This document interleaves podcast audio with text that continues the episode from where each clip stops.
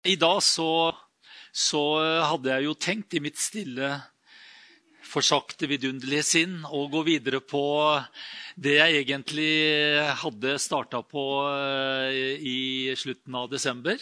Og det var takknemlighet. Men så Du vet, når du begynner å søke Gud, vet du, så, så leder han deg kanskje litt i en annen retning enn du egentlig ønsker. Så Da, men jeg ønsker jo det samme som Gud, så det blir jo veldig bra. Så det har ikke noe med det å gjøre, men det er bare liksom mine veier og Guds veier. Og mine planer og Guds planer er ikke alltid de helt starter likt, men uh, de finner veien, og så blir det veldig bra. Og så har jeg bare én ting å gjøre, det er å si 'yes, sir'. Så da Eh, er det sånn at eh, jeg har lyst til å snakke litt om visjonen. Amen. Og Det passer jo veldig bra på begynnelsen av et år. fordi at eh, jeg vet at du kan jo visjonen for troens liv uten at du kan på rams. Og jeg kan bare be hvem som helst av dere som har vært medlemmer her i mange år, jeg kan bare be dere reise dere opp og, og, og, og si visjonen. og Hvilke bibelvers er det vi bygger på her, osv. Jeg vet du kan det. Men det er jo godt å kunne minne oss andre på det. At det, det er noe som eh, gjorde at denne menigheten så dagens lys. Og den, eh, den, dagen eller den gangen jeg gikk inn som pastor her, så var det utrolig viktig for meg å vite at Troens Liv Bibelsenter var født ifra Guds hjerte. Eh, jeg ville aldri, jeg vært livredd for å gått inn i noe som var en god og klok og menneskelig idé, men det måtte være noe som var født av Gud. Eh, og jeg er helt overbevist om det, at denne menigheten her, den er virkelig eh, født av Gud. Amen. Vår visjon er jo veldig enkel. Det er i fire punkter først og fremst. Det er å proklamere og ære Jesus Kristus som Herre. Kan vi stå inne for det? Vi ønsker å være et åndelig hjem for familier og enkeltpersoner. Tre, vi ønsker å utruste mennesker til tjeneste for Herren, så vi kan vinne så mange mennesker til Jesus som mulig. Det er en herlig visjon, altså. Du blir jo glad når du bare nevner den og leser den. Og fire, være et fornyelses- og vekkelsessenter for Norge, Europa og land i andre verdensdeler strekker seg langt ut. Og så gjorde jo jeg dette her eh, om til eh, Jeg kalte det eh, flyvertmodellen. Husker dere den? For å visualisere visjonen vår så er det veldig enkelt. Skal vi reise oss opp og så være litt flyverter alle sammen? Du vet midtgangen, nødutgangen og du vet alt det der her. Men altså visjonen vår er å ære Gud nå de ufrelste, gjøre disipler og bygge fellesskap. Skal vi gjøre det en gang til? Vår visjon er å ære Gud, nå de ufrelste, gjøre disipler og bygge fellesskap. Amen. Halleluja. Og så er det dette bibelverset. Vi har mange bibelvers, bl.a. Joel 2 osv. Men det som jeg opplever er hovedverset som menigheten ble startet på, og som vi fortsetter å bygge på, er Jesaja 60 og vers 1-5. Og så er det jo spesielt verset 1 som eh, jeg har lyst til å ha som fokus også i dag, blant annet. Og der står det, og jeg har lyst til å lese fra litt oversettelse der står det Stå opp, bli lys, for ditt lys kommer. Amen. Det er ikke snakk om det. Og Herrens herlighet opp over deg. I elleveoversettelsen så sier det Reis deg, bli lys, for lyset ditt kommer.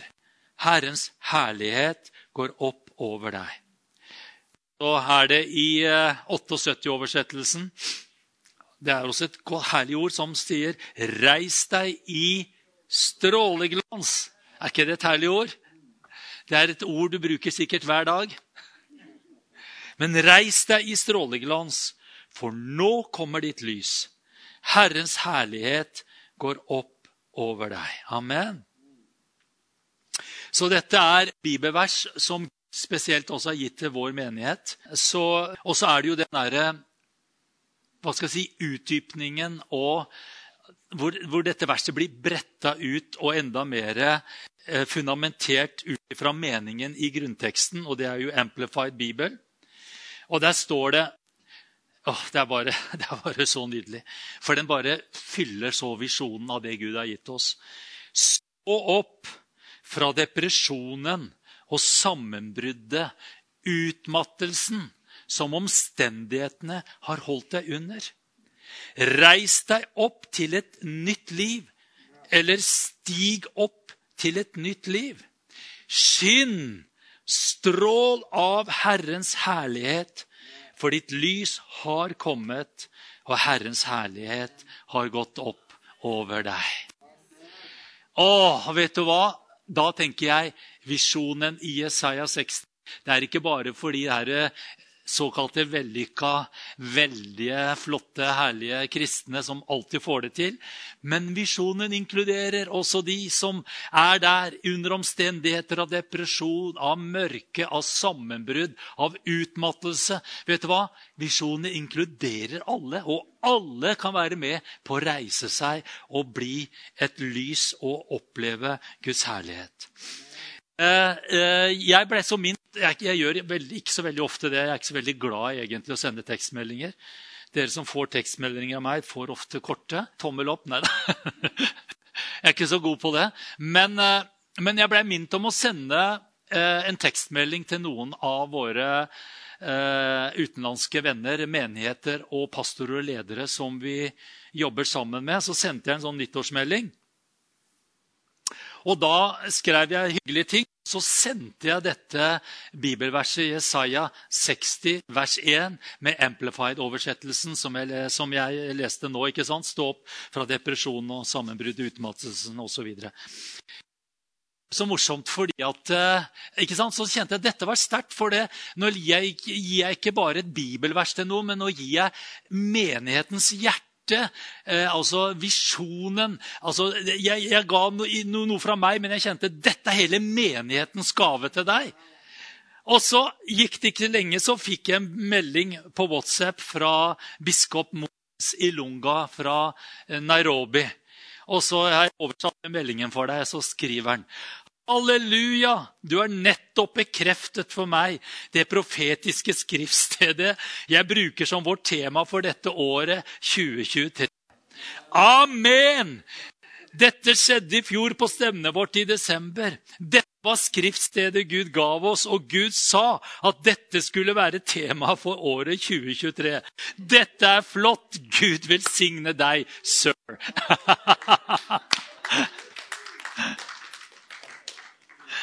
Ja, det var, vet Du hva, du, du, blir jo veldig glad når du får sånne meldinger. Og så bare tenker jeg, vet du hva, ja, det er jo akkurat altså Når vi som menighet lever midt i den misjonen Gud har gitt oss, så bare skjer det noe. For hva er det vi snakka om tidligere? Jo, vi ønsker å være et fornyelses- og vekkelsessenter for Norge, Europa og land i andre verdensdeler.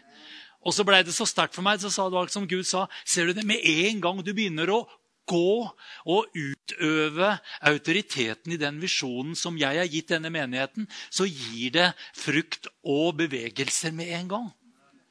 Og så sendte jeg nå den samme meldingen til vår eh, Jeg, har jo bare prata med ham på FaceTime, men det var så herlig, for jeg fikk en sånn nydelig hjertekontakt med Dennis Greenwich, som kommer hit da i midten av april. Eh, han er forresten nå på den eh, og det var veldig sterkt å se, altså fra den sterke bønnekonferansen som er nå i Haugesund. Så han er der. Eh, jeg har ikke fått hørt Har han talt noe enda? Jeg tror han kommer. Men så sendte jeg den samme meldingen til han, og så skriver han her til meg. Og da går det ganske mange dager. Jeg så den ble sendt som grønn melding. Skulle egentlig vært blå, så jeg tenkte oi, kommer den fram? Men det gjorde den til slutt. Og så skriver han her. Kjære bror Runar. Jeg har nettopp sett meldingen din. Jeg er nå i Haugesund. Det er utrolig at jeg sendte det samme verset du sendte meg, som jeg ikke så før akkurat nå. Utrolig nok sendte jeg det samme verset til en bror i morges som fikk hjerteslag forrige onsdag. Det var jo nettopp den dagen du sendte teksten til meg, den onsdagen, og jeg visste det ikke. Det er akkurat som vår Herre. Vi er én og ett i ånden. Din bror Dennis. Skjønner du? det er bare så herlig. Altså, Guds ord altså, Når det bare kommer i rett tid, så er det noe som bare bekrefter og styrker vår tro, og som bare tenker ordet, det er bare helt fantastisk. Og så, som jeg sa til deg, jeg bare jeg vil bare gi noe, ikke bare fra mitt hjerte, men fra hele menigheten. Hva sterkere kan jeg gi enn det ordet som vi ble født med, født i, og som vi bygger på? Amen. Og det at uh, visjonen vår ikke er avhengig av eh, og baserer seg på tilstander og omstendigheter. Om mennesker eh, opplever mørke og depresjoner, eller om livet er på en eh, rosa sky, så funker den visjonen uansett. Amen. Og så er det noe som jeg bare opplever at Gud har gitt menigheten vår, og som jeg kjenner på mitt eget liv, og jeg tror du også kjenner på noe av det samme, det er at det, når vi begynner å leve i den visjonen der, så, så er det noe av Guds gjenopprettelse og istandsettelse som også følger med i det der. der. Eh, og jeg elsker eh, ordet revansj.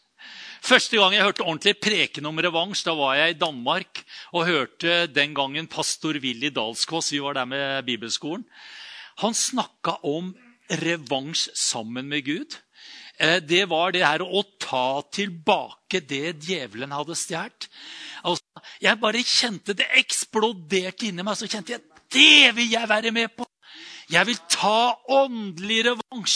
Jeg vil gi djevelen to tette og ei badehette og et blått øye for alt det som han stjålet fra mitt liv, fra mennesker som står rundt meg, fra Guds menighet. Jeg vil, jeg vil gi, jeg vil ha revansj. Og så var det dette måten eh, vi skal ta revansj på. Det er ikke å, å slå med samme mynt, men det er å gripe fatt i Guds kjærlighet og forløse Guds lys inn i mørket. Amen. Jeg, bare, å, jeg, jeg, har vært på noen reiser med Herren hvor jeg har sagt Gud, Herre, kan ikke vi to gå ut på et tokt i dag? Kan ikke vi bare ta litt revansj sammen, du og jeg? Du har gitt meg noen løfter om at det djevelen har stjålet fra meg, skal jeg få syv ganger tilbake. Og så kan jeg begynne å nevne opp noen ting som jeg opplever at djevelen har fått slått inn i mitt liv. Og så sier jeg, Gud, nå skal du og jeg ut og ta revansj. Djevelen skal få lov til å angre på alt det han har plaget og slått inn i mitt liv. Og det jeg vil ha revansj på nå, Gud, er ikke bare at jeg skal få gode følelser og opplevelser. Nå vil jeg se mennesker bli gjenoppretta. Jeg vil se mennesker bli frelst. Jeg vil se mennesker bli helbreda, Herre. Å, la det være vår revansj. La det være vår stikk inn i, i djevelens rike. Amen. Du kjenner Det er noe som tenner, for det er ikke en egoistisk Gud, la meg komme liksom fram og oppleve et eller annet godt. Men min revansj med Herren, det er å se andre mennesker. Som er i depresjon, som er i mørke, som er utmatta, som har gitt opp. At det kommer et lys og en kraft og Guds herlighet som bare reiser dem opp og igjen, igjen gjenoppretter og istandsetter dem og gir dem nytt mot til å gå videre. Amen. Åh, takk, Jesus. Det er bare noen herlige vers som står også i Jesaja 61, som også berører noe av dette her. Og, og dette her å være et fornyelses- og vekkelsessenter, det er og på en måte, og Gjenopprettelse er jo det. Det er jo å fornye noe av det som allerede Gud har plassert i deg. For det er ikke bare det at vi, vi, tenker at Gud skal gjøre noe helt nytt til deg. Det gjorde han den dagen du ble frelst og tok imot ham. Så ga han deg en full pakke. Altså Det var all inclusive med en gang. Han bare la det inn i deg, inn i din ånd. Så det er ikke noe nytt og noe mer Gud skal gjøre. Men når vi snakker om fornyelse, så er det kanskje at vi må la det opprinnelige, originale, det her som Gud virkelig fødte inn i deg, det skal komme enda sterkere og fornya fram. For det er mange lag som kan legge seg på det etter hvert som åra går. ikke sant? Noen snakker og jeg lengter tilbake til den første kjærligheten til Jesus. Det er så mulig å leve i den første kjærligheten hver eneste dag. Det var ikke én gang, men det er én gang. Alltid kan det være. Kan leve i den fornyelsen av å kjenne, sånn som eh, min kjære venn Henning er et forbilde på. Han elsker jo Jesus like mye og enda mer i dag. Hæ? Når, Jesus, når Henning står her på plattformen og sier bare 'Jeg elsker Jesus', så tror jeg han. Jeg tror på hvert ord han sier. Amen. Og hva er det som gjør? Man lever i en konstant fornyelse. For det bare kjenner jeg hva? Jeg må leve i en konstant fornyelse. Og der ligger det også en kraft til gjenopprettelse. Amen. Det står i Jesaja 61. Og det er noe av de samme versene som eh, Jesus så sterkt gjentar etter at han kommer ut fra et spahotell. Nei, han kommer ut fra en ørkenopplevelse og et virkelig Getsemane. Eh, åndelig sett, der hvor han blir fristet og prøvet av djevelen. Men så kommer han ut der. Ikke slått, ikke nedbrutt. Men han er liksom som Jesaja 60. Han har bare reiser seg opp. Han bare blir lys, og han bare opplever Guds herlighet flyter.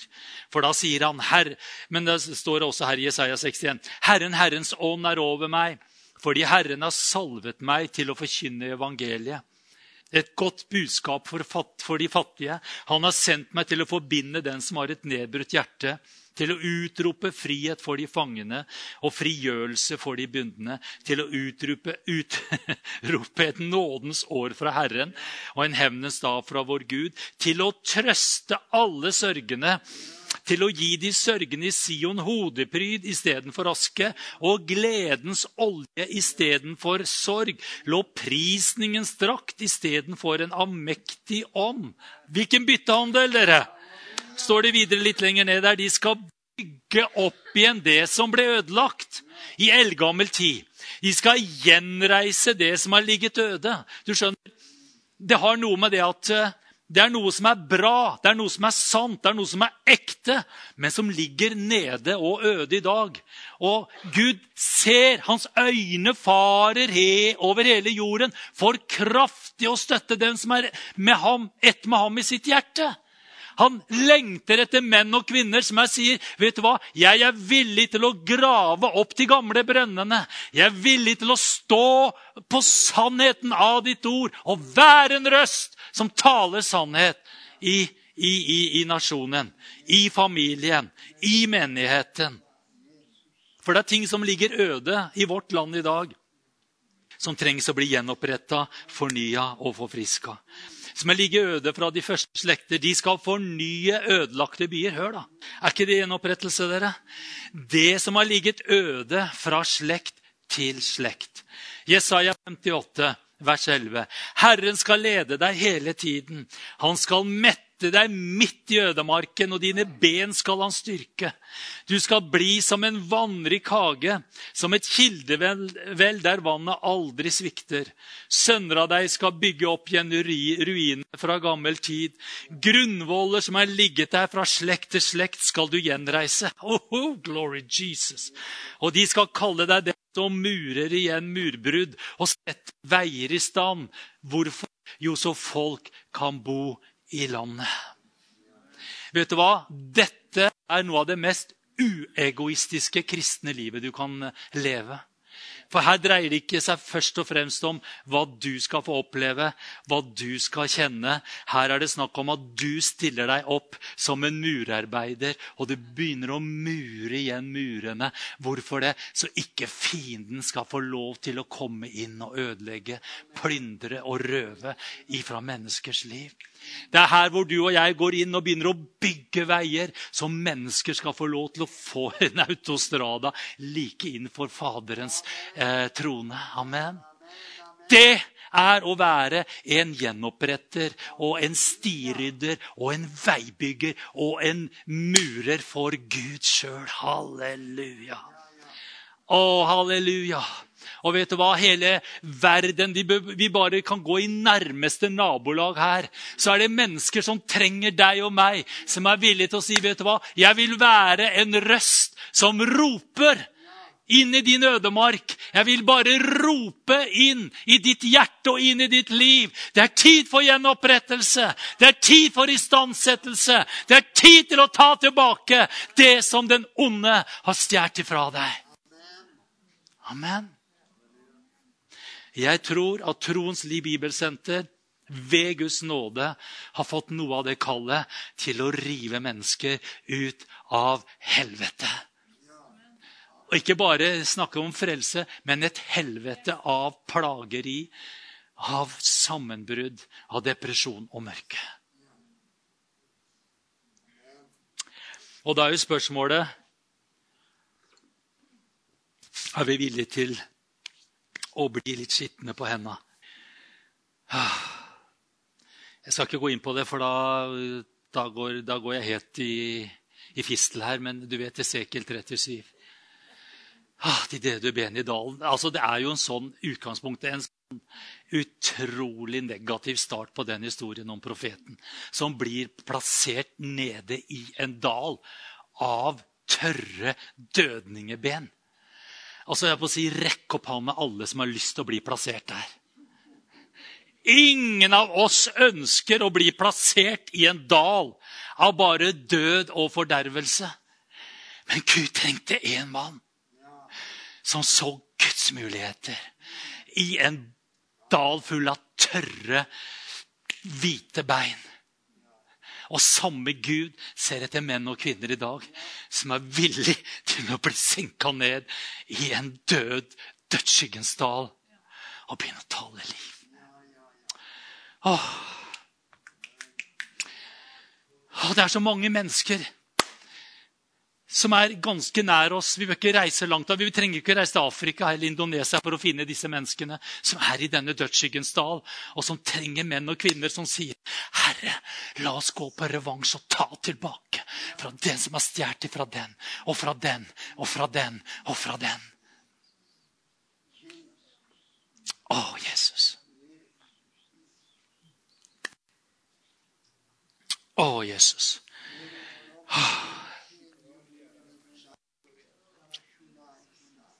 Å, Jesus, Jesus. Å, jeg bare kjenner det tar så mitt hjerte. Jeg kan betro deg en ting. Når jeg kom tilbake som bibelskoleelev fra Livets Ord i Uppsala i Sverige, så, så jeg, jeg, jeg, jeg, har kanskje sagt det en eller to ganger før, men det er ikke så ofte jeg har nevnt på det. Så hadde jo en bibelskole her også, og så Jeg husker ikke helt hvordan det kom. Så kom dette med Sekel 37 opp.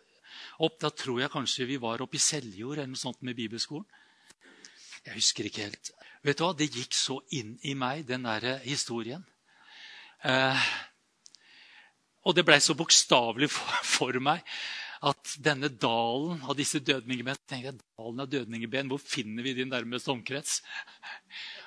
Så, te, så, var vi på Seljord, og så begynte folk å snakke om Rjukan. Så tenker jeg der har vi det! Rjukan! Den dalen der sola kommer ikke før langt ut i mars. ned der. Vet du hva? Og jeg søkte Gud. Vet du hva? Jeg, jeg fikk det, kanskje jeg, vet du, jeg sa til Gud jeg er villig til å flytte til Rjukan. Jeg er villig til å flytte til Rjukan.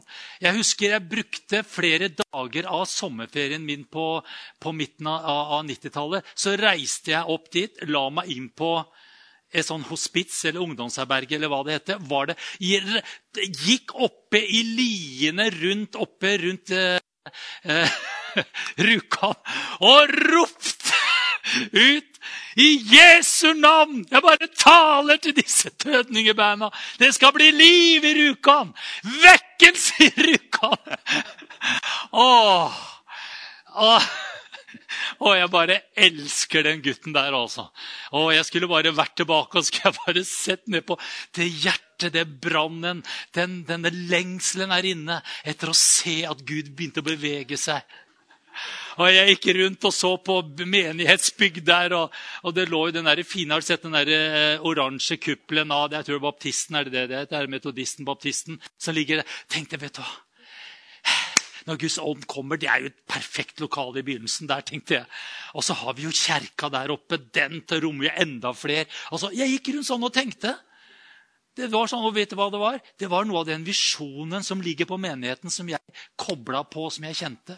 Så når jeg dro opp i den ene eh, fjellsida der og så over dit og profeterte og ba, og så tok jeg Rossobanen opp der og gikk litt lenger bortover på sida der og ba på andre sida, og så Gaustatoppen, og du vet Åh, vet du, Jeg kjente det, det, det, Gud var der, altså. Nå blei det historien til ansvar bare et halvt år etterpå, så så var jeg ikke sparka inn, men jeg ble leda inn til å bli pastor i denne menigheten. Så da måtte det legges litt på is. Men jeg tenkte, ikke sant, det er jo en fjellbygd over 80 år som skal ta oss. da. Så jeg tenkte kanskje Rjukan er min plass når jeg blir 80, eller et eller annet. Hvem vet? Jeg er bare åpen for Gud. Men jeg bare kjenner, vet du hva? Og vet du hva? Vi skal leve i den visjonen av å ta tilbake i Jesu navn.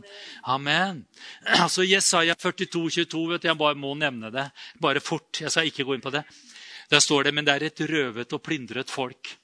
De ligger alle sammen bundet i huler og gjemt i fengsler. De blir røvet, og ingen reddet dem. De blir plyndret, og ingen, og ingen sa 'gi tilbake'. Eller som det også står 'restore', gjenopprett. Det var ingen som sa 'gjenopprett'. Og jeg sa til Gud Gud, la meg være den røsten som roper det ut. Gi tilbake. Gi tilbake. Det er så mange som er, som er, som er blitt så stjålet og bestjålet. Har blitt så plyndra. Og jeg vet hva som er områder i mitt liv. Og noe har jeg ikke fått revansj på enda. Men vet du hva? Jeg bare, jeg bare går på de orda der, altså. Halleluja. Gå mot landet nå, men jeg har lyst til å minne oss på en profetisk hilsen som vi fikk av Stefan Salomonsen 16.11.2015. Det begynner å bli noen år siden. Som har noe med det her å gjøre. Og da, står, da sier han bare, Her er eh, transkribert rett ned hva han sa. Da sa han Det var på svensk, men jeg, det er på norsk. Han sier, 'Opplever at Den hellige ånd sier til menigheten her:" Se, jeg vil sende til dere mange mefiboseter. Eller mange mefibosets. Og da tenkte jeg at uh, da må vi ta en liten repetisjon på hvem han var. Hvem var Mefiboset?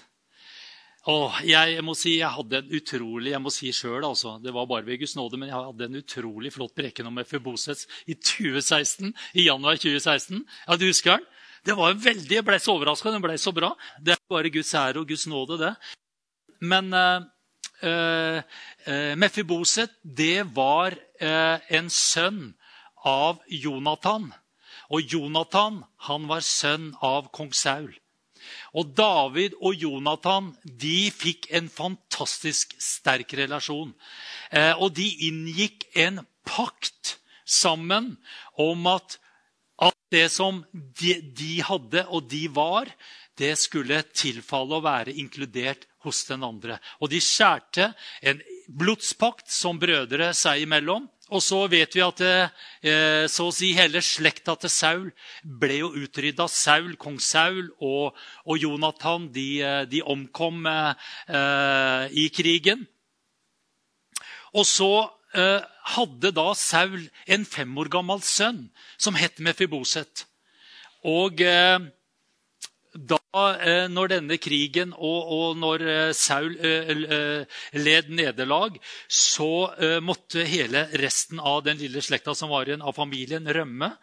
Og da tok altså denne fostermoren eh, Mefiboset med seg i denne flukten. Og så mista hun Mefiboset, om han da fikk bena under eh, vognhjul eller hva det var. Men det som resulterte i, det var at han fikk lammelser eller sterke eh, skavanker og handikap i sine ben, sånn at han kunne så å si ikke bevege seg. Så det var et utrolig dårlig utgangspunkt.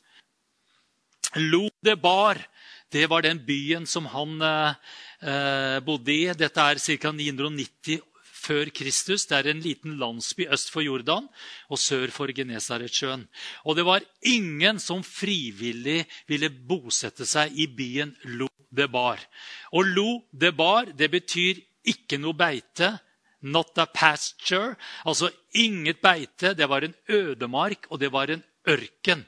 Det var en plass av mangler, av fattigdom, tørrhet og ødeleggelse. Det var en plass hvor man ikke sådde eller høstet noe. Det var en håpløs plass å være. Glory, hallelujah. Det er liksom akkurat som litt av starten av Jesaja 60. Og Mefiboset, eller Mefibosjet, altså det navnet betyr den skamlige, den skamfulle, the shameful one, den skjendige'. Altså, finn noe positivt her, dere. Bo i Lodebar. Inget beite, ørken, ødemark. Ingen sådde og ingen høstet. Og så heter du Mefiboset, den skamfulle, den skjendige. Da, da må jeg si er ikke sterkt utgangspunktet der, altså. Selv om Mefiboset var sønn av Jonathan og barnebarnet til kong Saul, så vokste han opp i et mørke. Han var en krøpling både fysisk, psykisk og åndelig. Og så står det i 2. Samuels eh, kapittel 9, vers 1 der David spurte finnes det ennå noen igjen av Sauls hus. Da jeg vil vise godhet mot ham Jonathans skyld, for det var den pakten de hadde inngått. Det var en tjener fra Sauls hus som het Siba. Han ble kalt til David, og kongen spurte ham, 'Er du Siba?' Til tjeneste, svarte han. Da spurte kongen, 'Er det ikke en eneste igjen av Sauls hus, så jeg igjen kan vise ham Guds godhet?' Siba svarte kongen, 'En av Jonathans sønner lever ennå.' Han har lammelse i føttene. 'Hvor er han?' spurte kong, eh, kong David. Siba svarte, 'Han er hjemme hos Maker, sønn av Amiel, i Lo-Debar.' Da sendte kong David bud og hentet ham hjemme hos Maker, sønn av Amaliel, i Lo-Debar. Sannheten var at denne skamfulle mannen handikappa, krøpling. Han levde inni et mørke på en plass av en ørken. En elendighet fra A til Å. Sannheten av hvem han egentlig var, det var at han hørte ikke til i Lodebar. Han hørte til i kongens palass. Men han visste ikke om det. Han visste ikke sine rettigheter. Han ble frastjålet frastjålet å sitte ved kongens bord ene og alene fordi han ikke visste hvem han var. Og hvilken pakt som var inngått på hans vegne. Kjenner vi oss igjen, dere? Sannheten om Mefiboset er sannheten om deg og meg. Vi heter alle Mefiboset. Vi, vi bodde alle i, i Lodebar. Men så ble det inngått en pakt på dine og mine vegne. Halleluja. Evig blodspakt.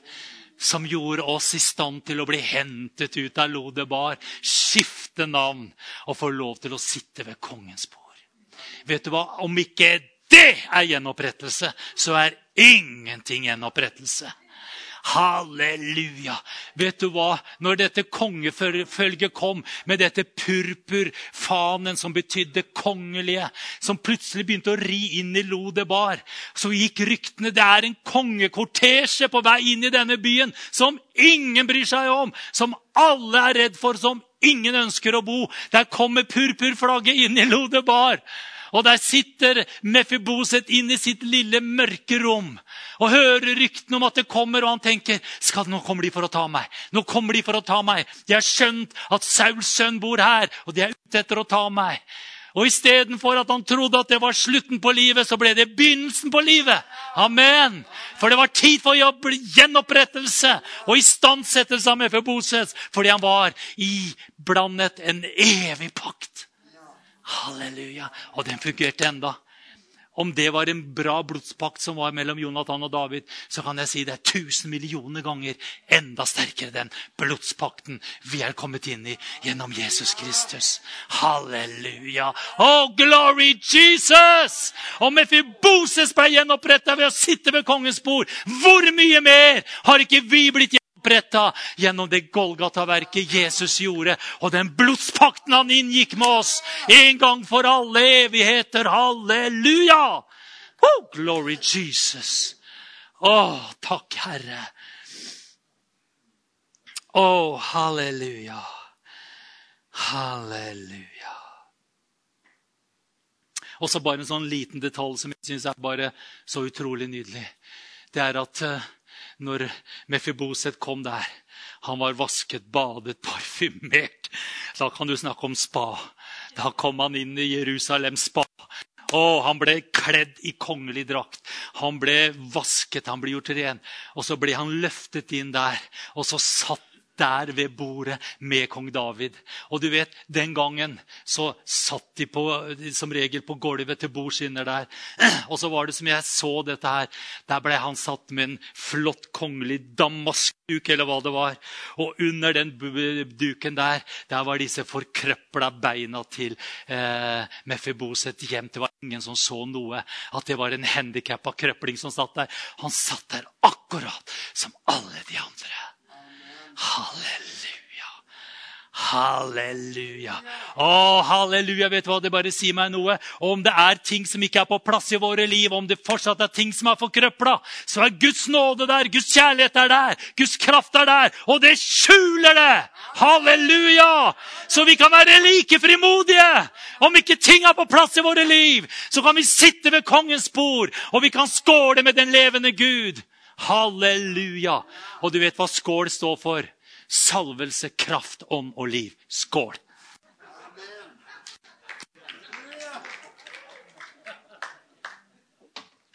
Så regnbuen er vår. Skål, dette er vårt. Ja, Siste har jeg funnet litt på sjøl, men jeg syns den er ganske bra. Glory Jesus. Tilbake, vi må tilbake til den herlige profetiske hilsen. Jeg måtte bare, Nå skjønner du hva han mener med Uh, glory Jesus. Da skjønner du hva han mener med det som da kom den 16. november 2015. Jeg leser fra nytt igjen. Opplever at Den hellige ånd sier til menigheten her Se, jeg vil sende til dere mange Mefibosets. Nå skjønner du grunnen. De sier det ikke rett ut, men de kaller seg, eller opplever seg selv, som døde hunder. De opplever ikke at de har noen verdi. Og Herren skal sende sånne mennesker til dere. Og da skal dere dekke fine bord for dem. Sette dem slik David gjorde, og ikke gjemme dem bort. Og dere skal forstå at det er Herren som besøker dere. Iblant så kommer han på den måten. Han kommer iblant som en som en tigger, iblant som et fattig menneske, iblant som et sykt menneske. Iblant sitter han i fengsel. Han kommer i disse skikkelsene. Da kan vi si, 'Når så vi deg på den måten, Jesus?' Det dere har gjort mot en av mine minste, det har dere også gjort mot meg. Jeg har lyst til at Vi skal også bli minna på en profetisk hilsen som vi fikk gjennom Johnny Foglander. og Da tror jeg vi er helt tilbake på 90-tallet en gang. Da fikk han en setning til vår menighet. Om dere vil ta dere av de svake, vil jeg gi dere de sterke. Om dere vil ta dere av de svake, så vil jeg gi dere de sterke. Vet du hva? I starten av 2023 så tror jeg det er så herlig og så viktig å minne hverandre om de profetiske ord som ikke bare gjaldt i 2016, 2015, 1997, whatever. Dette er profetiske ord som vi blåser livet i 2023. Amen. Halleluja. Å, takk, Jesus. Det var det jeg hadde lyst til med deg i dag. Halleluja! Glory Jesus!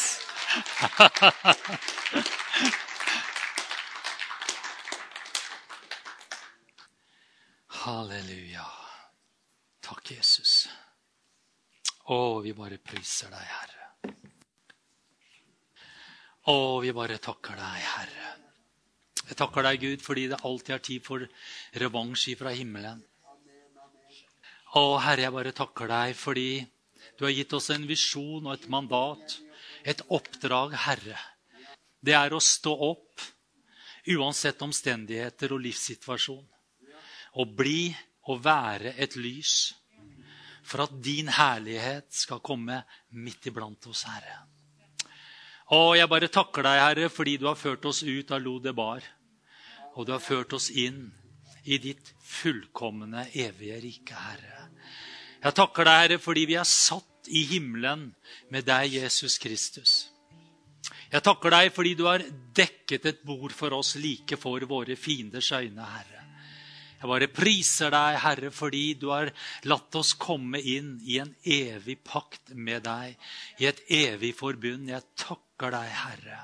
I Jesu navn så, så vi, vi, vi vil bare som menighet be, Herre, at vi får lov til å være med og, og ta bort dette sløret som gir mennesker en falsk og usann plass og identitet og forståelse av hvem de er, Herre.